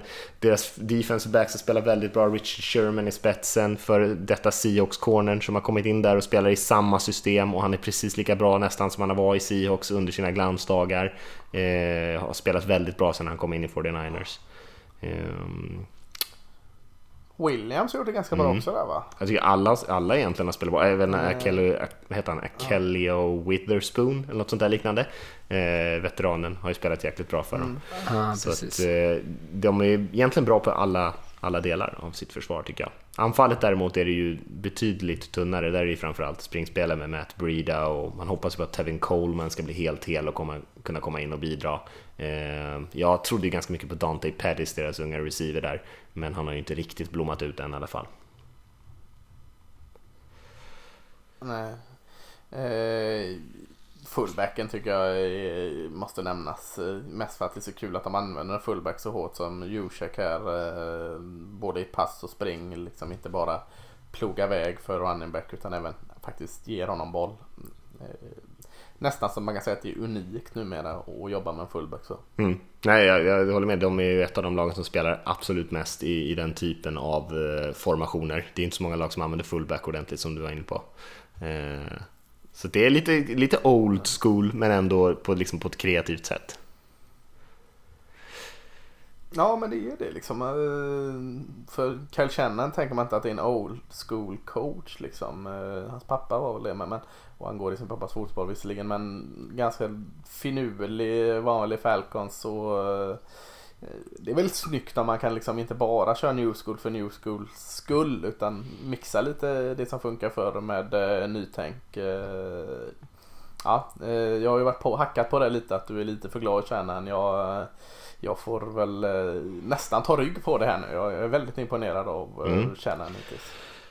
Ja, det, Verkar vara skön coach också. Liksom gå runt och eh, kasta boll på träning. Kan inte hålla sig liksom ut och bomba med Garoppolo och bollar och sånt. Eh, eh, Jag kan ju inte riktigt vad, vad, vad spelarna vill ha för coacher men han verkar väldigt eh, bekväm när han går runt på träningarna där och, och eh, han verkar ju ha coolat ner sig lite för han hade ju ett rykte om sig tidigt i sin karriär att han tyckte Jaha. att han hade liksom en attityd av att han, eh, han var smartare än alla andra eh, och många, många bl- retades på honom lite grann. Men jag tror att han när han har blivit lite äldre, varit runt lite fler coacher så kanske har blivit lite, lite mer eh, cool på det sättet och att han inte känner att han behöver bevisa sig så mycket. Eh, och kanske kanske har blivit lite bättre på att hantera sina spelare och medcoacher. Ja, alla lär sig. Ska vi, vad tror ni om 49ers framöver här? Ska vi säga någonting om det för att runda, ihop, runda av den här eh, 49ers eh, djupdyket? Har du något Mm, spelschema? Nej, men de har ett relativt bekvämt spelschema närmaste tiden tror jag. Jag ska se med. Tuff match i helgen. Den, den kanske vi ska prata om eh, om en liten stund där. Men, men eh, ett glödet Carolina Panthers visserligen hemma men, men eh, det är väl en ganska tuff match. Ja, de har, eh, ja exakt, de har Panthers och sen har de Cardinals, Seahawks, Cardinals, Packers, Ravens, Saints, Falcons, Rams, Seahawks. Ehm, Så det finns ett par tuffa matcher där, Packers, Ravens, Saints definitivt, eh, någon Seahawks-match eller två. Vad sa du att de hade först här nu? Panthers, Cardinals? Eller vad säger jag? Seahawks, Panthers, Cardinals. Cardinals. Ja, det är ju ganska rimligt att de kommer ifrån eh, med en förlust där. Och, och vad är man då? Man är Mm. 9-1. Mm, Jag tror man, ja. Slutspel är väl, det känns oundvikligt Nästan. nästan. men Ja, det blir men nog inte så känner jag. 13 vinster och sånt där. Alltså jag tror att de kan landa på 10-11 vinster kanske. Eh, 11 vinster känns ganska rimligt för dem tror jag. Så det är nog inte så att de kommer ha någon toppsid, men, jag- men definitivt så bör de ju ta sig till slutspel.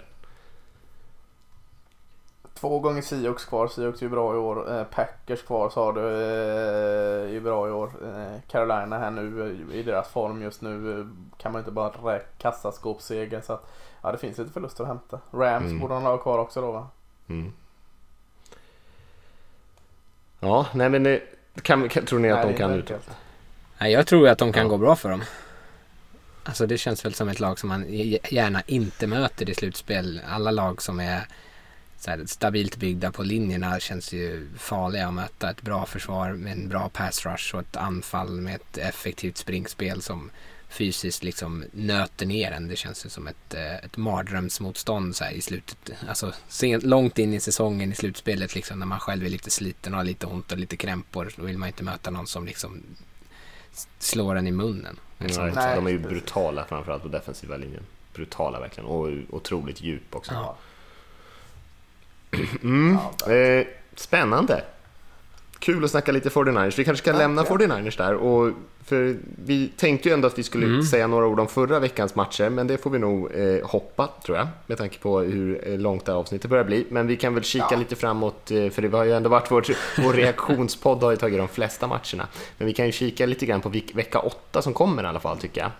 Det tycker jag vi hinner med. Och eh, kanske några matcher som känns särskilt intressanta där. Jag vet inte, är det någon som du eh, har sett Rickard som känns spännande? Eh, ja, alltså jag är ju svårt att eh, släppa eh, Raiders matcher. det är alltid den första som jag tycker som känns, ja men det är klart. som känns mest intressant. Nu vart vi ju helt utskåpade här senast mot Packers så det känns nu möter vi ett Houston Texans som förlorade mot Colts eh, och den, den matchen känns som att det kan kan bli kanske lite av en repris. Vi har ju ingen vidare effektiv pass rush och så möter man en, en, en QB Watson som är farlig. Eh, Men eh, vi möter också ett försvar som kommer säkert släppa en del poäng. Så det kan jag tänka mig att det blir ganska, ganska mycket offensiv fotboll. Sen tror jag, skulle, jag tror att den kommer bli väldigt rolig att se. Min han jag tvivlade på inför draften här så jag eh, kanske inte har erkänt än men jag kan i alla fall lyfta honom. Eh, måste vara skön att luta sig mot running backen Josh Jacobs har ju verkligen infriat alla förväntningar och lite till va? Ja, verkligen. Han spelar ju väldigt, väldigt, väldigt bra. Så det är skönt. Eh, Carr har inte riktigt varit så superbra och han får ju inte heller så mycket man säga, utrymme i anfallet. De vill ju gärna springa bollen och Jacobs ju, känns ju som att han är liksom motorn i anfallet just nu. Passar in väldigt bra där. Eh, Var bra fingertoppskänsla av eh, Gruden och Mayock där och välja just eh, Josh Jacobs. För han känns liksom som klippt och skuren för den rollen han har där i Oakland. Ja, ja, ja Bara de inte sliter sönder honom för han får väl jobba ganska hårt va? Ja, han har en del, en del touches nu för tiden. Ja. Och springer ju klart ganska han- våldsamt. De sparar ju han i Alabama. Han fick ju knappt spela där. Ja.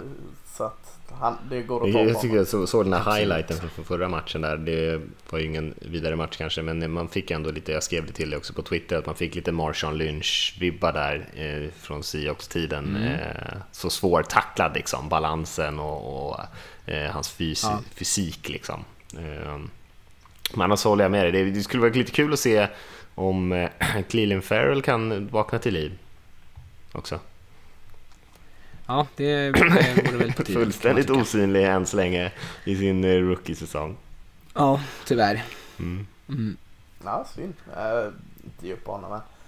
Eh, bara lägga en notis här att eh, vi ställer om Just det, klockan smart. eh, natten till söndag. Ja, eh, USA ställer inte om klockan än så att matcherna börjar klockan 18.00 de tidiga och de lite senare börjar ju runt 21.05, 21.25 så att det, är en timme tidigare vilket eh, jag tycker är väldigt skönt. Det är väl inte så sent de sena matcherna. Eh, men, men tänk på det så att ni inte per automatik sätter det klockan sju och ska se ett lag för att eh, då kan ni redan ha förlorat. Ja, det är faktiskt bra konsumentinfo där.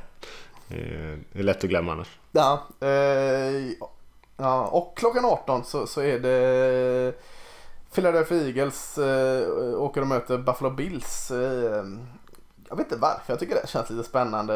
Eagles som just nu är, eh, springer runt med händerna i luften i en cirkel och undrar vad som ska hända. Eh, ingen aning alls i Eagles. Eh, ser att många börjar lasta eh, Carson Wentz. Jag frågade, eller jag såg någon som la ut, jag undrar vad som krävs att vi ska kunna trada tillbaka Nick Foles från Jacksonville Jaguars så här nu liksom. Eh, Har någon ringt, har någon kollat? Eh, Nu vet jag inte hur mycket det ska lasta på Inte mycket, va? Carson Wentz här, men, han har inte, nej, Nej. Men, men å andra sidan de ser nog hur han får ta den här ledarrollen liksom. Han får ju testa sig nu. Det är ju försvaret som är kanske och sekundaret som är oh, bedrövligt just nu. Men, men offensiven och Wentz. Ja, det måste nog hända lite mer där för Bills eh, ångar på här och eh, förutom kanske då passoffensiven i, i Bills så, så funkar ju det mesta där nu och, och eh, ja, någon, någon form av eh, Eagles svaga secondary mot Bills svaga passoffensiv för det blir någon form av spännande match i matchen i den Ja, men det är väl det som är fördelen för Eagles kanske, att man ändå kan vinna en tuff bortamatch Ja. här. Det är ju att eh, deras uppenbara svaghet i Eagles är ju det som är, Bills inte är så bra på.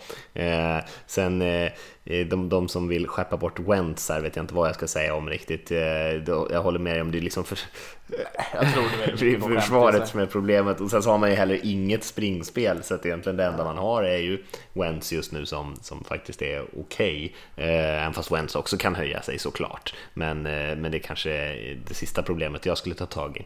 Men det, jag håller med om att det är en kul match. Eagles är så jäkla desperata också. De, det, de måste börja vinna nu. Ja, det är ju Eh, för Bills, de har ju ändå eh, startat den här säsongen ganska bra, eller väldigt bra. Så att för dem är de är inte alls Ja, lika 5-1. desperata. Ja. Men det är klart, de vill ju väldigt gärna ta den här eh, hemmamatchen och gå till 6-1 såklart, eftersom de vet ju att det blir lite tuffare eh, framöver för dem. Men, eh, men för Philadelphia så är det ju måste-match. Ja, förlorar Mm. Philadelphia är man 3-5 och jag vet inte hur många förluster i rad. Alltså, då kan det lätt bli någon form av snöbollseffekt här på den här säsongen Ja. och man bara rasar liksom. Eh, Så att, eh, nej, eh, man är ju långt ifrån körda en slutspelsplats. eh, Eller långt ifrån körda. Man är inte körda en slutspelsplats än. Alltså, i Cowboys är ju bara två matcher före. Så det är ju inte, det är inte läge att ge upp än för dem. Men, men är man 3-5 efter den här matchen så, så börjar det Mm. kännas jobbigt. Alltså. Annars är det ganska ont om bra 19 matcher där, så att eh, jag tycker man kan... Ja, 18. 18. Sorry, du som var... Försök inte, försök inte lura fröken det här. va? Du missade inte någonting. Ja, det är lysande. Vi har redan nämnt Panthers 49ers. Eh, Jag vet inte om vi behöver säga så mycket om det när vi har pratat så mycket 49ers idag, men det finns ju andra intressanta matcher lite senare tycker jag. Browns Patriots är ju också en, en match som liknar den här Bills Eagles matchen på många sätt, där vi har ett Browns som är fullständigt desperata och måste börja vinna nu om de överhuvudtaget ska nå slutspel och bara det är ju en, en tuff resa dit nu medan Patriots sitter ju superbekvämt såklart och de är hemma där de är så oerhört, oerhört starka. Eh, Jag har inte så jättehög eh, högt förtroende för att Brown ska kunna ta den här matchen men jag skulle inte säga att den är omöjlig för dem. De har många duktiga spelare, de har absolut inte spelat upp till sin potential eh, och Eh, kanske kan man få tag i ett nonchalant Patriots, även fast man väldigt sällan ser det här i, i New England. Ja men det är väl sådana här matcher som Patriots förlorar liksom. När eh, det är någon sån här obetydelselös match för dem liksom. Och, och står och hänger. Då kan de lägga en liten bajsmacka där och, och, och så gå vidare och så samlar de upp kraftsamlar och vinner sju raka till. Mm. Liksom. Ja, nej, visst är det så. Men då, då måste ju Baker Mayfield spela. Vi sa ingenting om förra veckans matcher här, men, men eh, Darnold hade ju en ganska svettig match mot Patriots försvarare senast. Kanske den sämsta QB-insatsen vi har sett den här säsongen. Och eh, Baker Mayfield kommer in här och så möter man ligans bästa Ja exakt, så, så nu, måste, nu måste Baker vara betydligt bättre än han har varit den här säsongen om de ska överhuvudtaget ha en chans tror jag. Eh, mm. För att mycket annat har ju fungerat ganska bra. Försvaret har i perioder spelat väldigt bra eh, på sina håll och eh, även springspelet med Nick Chubb har varit bra i Browns. Utan det är ju passoffensiven och så en, en, en del saker i försvaret som inte har klickat ordentligt. Så att man måste nog göra en ganska komplett match om man ska slå Patriots på bortaplan. Absolut. En till sena måndagsmatchen där börjar 01.20 är ju också väldigt intressant. Eh, Green Bay Packers eh, mot eh, Kansas City Chiefs. Känns som det är tredje hemmamatchen i rad för Chiefs, kan det stämma eller? Mm. Tycker de har spelat hemma, hemma, hemma hela, mest hela tiden. Hemma. De var nog borta förra veckan tror jag. Ja, de var borta mot uh, Broncos ja. Ja, precis. De var hemma uh, Colts, hemma Houston, borta Broncos och nu hemma Så Packers. var det ja, just det. Så borta mot Packers. Men uh, den är väldigt intressant. Alltså Green Bay som, som Aaron Rodgers just nu är väl i den här formen som när man säger ja nu är han sin bästa fotboll i, i sin karriär. Som man säger, har sagt ett par gånger och säkert kommer säga ett par gånger till. Men han är ju i den formen nu Aaron Rodgers. Mm. Där verkligen allt sitter liksom. Och han eh, har det där irriterande flinet eh, där han känner att eh, flytet går bra liksom. Och, och eh, defensiven har ju visat att de eh, kan spela. De, kanske att de överpresterar lite i början av säsongen och, och landar väl lite mer nu. Men fortfarande en väldigt bra defensiv också. Och så Chiefs utan Patrick Mahomes eh, med, med Moore där. Eh, väldigt intressant match. Mm. Det tappar ju såklart stjärnglans utan med Holmes, men eh, eh, ja. Packers ska ju vinna den här matchen, eh, tycker jag. Det, om de ska få något som helst godkänt betyg här. Utan det är ju liksom, det är klart de ska spöa Chiefs med Matt Moore, det är ingen tvekan. De får vara storfavoriter här. Men eh, Chiefs kan, Ja, nej, men det, det gör jag definitivt. Packers är väl ett av de bättre lagen i NFC och eh, Matt Moore är ju inte på något sätt nära, närheten av startande kaliber QB. Så eh, ehm, jag tror ändå att Chiefs anfall, det finns mycket... Han, så, han såg näst han såg nästan lika dålig ut som Joe Flacco där när han kom in eh, med Moore. men, men sen tyckte jag ändå han spelade upp sig lite eh, mot i och för sig ett ja, ja, ja, Broncos. Men eh, såg ändå ett par goda kast och goda intentioner från Matt Moore. Det var ju mer än jag såg Joe Flacco. Så, kanske var att man jämförde två QB så var, då var det lätt att gå vinnande ur den bataljen. Ja, det gäller att ribban ligger på goda intentioner. du säger det. tycker jag. Jag, jag, jag gillar Han försökte så mycket han kunde, så det var en bra match. Fråga alla New York Giants-supportrar vad de tycker om Eli Mannings bedrövliga intentioner. Alltså, de drömmer om goda intentioner liksom efter Eli's sista tre år. Ja. Usch, men, Nej, men den, ska ju Packers vinna i alla fall. Fan, eh, ytterligare ett enkelt försvar för eh, Rodgers att bara skära igenom. Tänkte ju säga det, han har haft lite bekväma försvar att möta. Mm, han, går ju in på, in på, han har ju tuffa, mm, han har ju tuffa, division, äh, match, äh, tuffa försvar i sin division där, så han kommer ju få den, äh, sin beskärda del av ja. det där. Men match, han gjorde ju en nästan perfekt match mot Raiders senast, såg ju makalöst bra ut och nu möter han eh, ett av de, i alla fall fem sämsta försvaren i, eh, i NFL eh, igen här. Så att han är ju på sin MVP-kampanj just nu, om han kan sätta upp ytterligare en sån här jättematch så, och ta sig in i den diskussionen lite grann. så att det är det här nu han ska verkligen padda sina stats här mot, mot Kansas City. Mm. Får man lyfta en till match eller innan Kör. vi avslutar? Ja, lyft.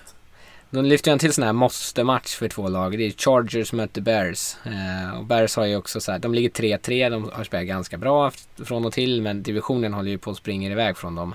Eh, de har liksom inte råd att torska så här. Den här typen av matcher är ju den typen av matcher de måste, måste, måste vinna. Eh, men mm. anfallet ser ju verkligen haltande ut och Trubisky är ju förskräcklig. Eh, och samma sak för Chargers. Visst, de är 2-5. Det kanske ser ut som att det redan är kört. Men fan om Chiefs börjar torska matcher nu med Mahomes borta så är ju divisionen ändå liksom inte helt avgjord. Man kan, kan vinna den. Låt säga att det tar längre tid för Mahomes att komma tillbaka så kan man vinna divisionen på 10 segrar, 11 segrar. Eh, Mm. Och då har de inte råd att torska så mycket mer. Men eh, så ska de vakna till någon gång så är det nu. För förlorar de, förlorar de mot Bears då är ju säsongen officiellt över. Då är det ju bara liksom tänka på framtiden. Ja, Ja, särskilt ja, om, om de andra lagen går bra, eh, såklart. Och eh, det har ju blivit en liten uppdelning där i en division som såg jämn ut, där Chicago och Lions har börjat förlora matcher eh, och Packers och Vikings har börjat vinna matcher. Både Packers och Vikings tre raka vinster, Bears har två förluster i rad, Lions har tre förluster i rad. Eh, och det, man kan ju säga samma sak om flera av divisionerna egentligen. Man tänker på södra divisionen också i NFC där The Saints Panthers är på någon galen winstreak båda två och backar ner så Falcons är i fritt fall. Eh, så att det har ju, det som börjades på i, som ett tight race i många divisioner har ju börjat verkligen eh, dela upp sig. Och det kanske är en mer och jag tror att vi kanske har pratat om det någon gång tidigare, att det, är eh, större skillnader mellan toppen och botten av ligan än någonsin. Och om vi skulle säga att botten och toppen är ganska stora grupper. Det är inte så att vi har en eller två topplag eh, och sen så har vi liksom en, en, en, en ett stor, superstor massa, utan vi har en, så här, som vi pratar om power rankingen, kanske en 6, 7, 8 lag som känns som seriösa utmanare på något sätt till en Super Bowl. Eh, och så har vi en 6, 7, 8 lag minst i botten som känns fullständigt hopplösa. Och så brukar det faktiskt inte se ut under säsongerna. Vi brukar ha kanske ha ett, två, kanske tre max lag som känns sådär riktigt, riktigt kassa. Men den här säsongen har vi ju massor av sådana lag. Det, det känns som att det är en större skillnad än, på, än många andra år. Ja, bara, bara en, eh, en fråga nu. Pratar om Bears här. Eh, Eh, Trubisky har ju varit eh, kass eh, som eh, Rickard säger. Där.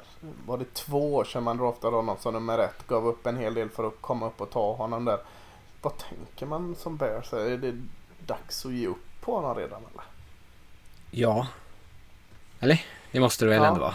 Eh, Ja, jag tänker, det är ju jävligt jobbigt liksom att komma till den Jag tror inte de är där än. där. Ja. Men det, Alltså, nej, jag Nej, tycker att de borde inte? göra det, men jag tror inte de är där än. Det är därför jag, det, Lasse slängde ut lite trades det- där, QB-trades där med Bears, men jag tror inte att de har erkänt det för sig själva än. Eh, Jag, jag, man ser säkert problemet, men Nej. jag, tror, men jag tror inte att jag tror inte man har gett upp hoppet än som en del andra lag. Men jag tänker bara på hur länge man ser de här lagen hålla ut med Winston och Mariota och alla de här. Och, och Trubisky har väl kanske aldrig haft de höjderna som, som de har haft i perioden. Men, men han har Nej, heller har inte han inte. spelat lika mycket. Eh, och kanske inte heller fått liksom fritt spelrum heller. De liksom mjukade ju in honom och han fick knappt passa bollen i början av sin karriär. Eh, så jag tror... kontraktet ut då. Eh, förnyar man, om det inte ser bättre ut då har vi det ingen anledning att förnya det här kontraktet. Var är han någonstans i, i sin kontraktscykel? Ja det här, det här är väl hans eh, tredje säsong va? Nej, det är åtminstone Ja, tredje. tredje Nej. Tredje är det ja. Tredje. För då har han ju fjärde Ja, och, och, eh, det är men han har också en och så nästa 50 year option eftersom han draftades i första rundan också. Så att de kan ju hålla honom under kontrakt i två säsonger till. Ja. Så att de är ingen brådska egentligen. Ja, vinna men det Ja, jo, jo, men jag menar brådska med hans kontrakt. Precis, det är ju det det handlar om. Ja. Så att de behöver ju inte, de behöver inte tänka på att förlänga honom menar jag. Utan eh, det är i så fall om man bara ska ersätta honom. Ja, ja det, det, var, tänka- det var en uh, side-note som heter duga. Sitter man där som, eh, som Nagy, alltså huvudtränaren som är liksom en offensiv tränare och så fallerar liksom hela laget på grund av att hans anfall inte funkar. Det måste ju han själv känna så här, det här funkar inte, det är alldeles för frustrerande, jag måste göra någonting åt det här. Ja. Eh, sen kanske det inte är att de plockar en QB i första rundan i draften. Jag kan tänka mig att de försöker, nu vet jag inte typ hur Alex Smith skada ser ut, men om Redskins ändå är redo att liksom gå vidare i sin eh, nya era, då kanske de släpper honom. Eh, det skulle kunna vara en, en QB som Nagy också har erfarenhet av. Eh, som de plockar in, eller att de tar typ någon så här Foles eller någon annan lite så här äldre gammal veteran som kan sitta där i bakgrunden. Jag tycker det är en intressant fråga också hur långt, Rex hur mycket förtroende man har för. Matt Nagy. Så, eh, känns som en person som väldigt många bara hoppade snabbt bakom sådär. Men, men som en offensiv coach så, så är det ju inte bara Trubisky liksom som inte levererar utan alltså han håller ju dem ju liksom gisslan i och för sig för att han är för dålig. Men det är ju samtidigt ja. ju rätt mycket saker som ja, inte funkar Tycker jag. Trubisky har ju ändå en del positiva kvaliteter, men sen gör han ju så mycket idiotspel tyvärr eh, och är lite eh, inkonsekvent. Men, men Nagy har väl också en del att bevisa, har han inte det? Men jag tyckte han spände musklerna lite förra året. Eh, att man ändå har en förhoppning av att han skulle kunna ha ett fungerande anfall. Sen kanske han är lite överhypad, eh, eller var då. Eh, och vi kanske ser den andra sidan av honom nu. Men jag tycker inte man kan göra en ärlig utvärdering av honom när han fortfarande har Trubisky mm. som QB. Ah, han skulle behöva Jay Cutler som styr den här skutan. Precis. Ryan Fitzpatrick kanske. Ja. Fitzpatrick såg ju, det blev ett helt nytt lag när han klev in i och för sig. Mm. Precis. Hall of Famer. Ska vi avsluta med att eh, Fitzpatrick är en Hall of Famer eller? Vi kommer inte, jag tror inte vi kommer hitta en bättre Det hjälper att vara i tio lag liksom, så man kan hitta mycket kontakter så man kan få mycket röster sen när det är ja. dags. Många tröjor att rama in i kontoret när han eh, pensionerar sig. Eh, ja, men vi kanske rundar av och tackar för oss. Ni får, glöm inte vad Lasse sa där, matcherna börjar en timme tidigare och annars hörs vi i nästa vecka helt enkelt. Så tack allihopa för att ni har lyssnat. Ha det bra.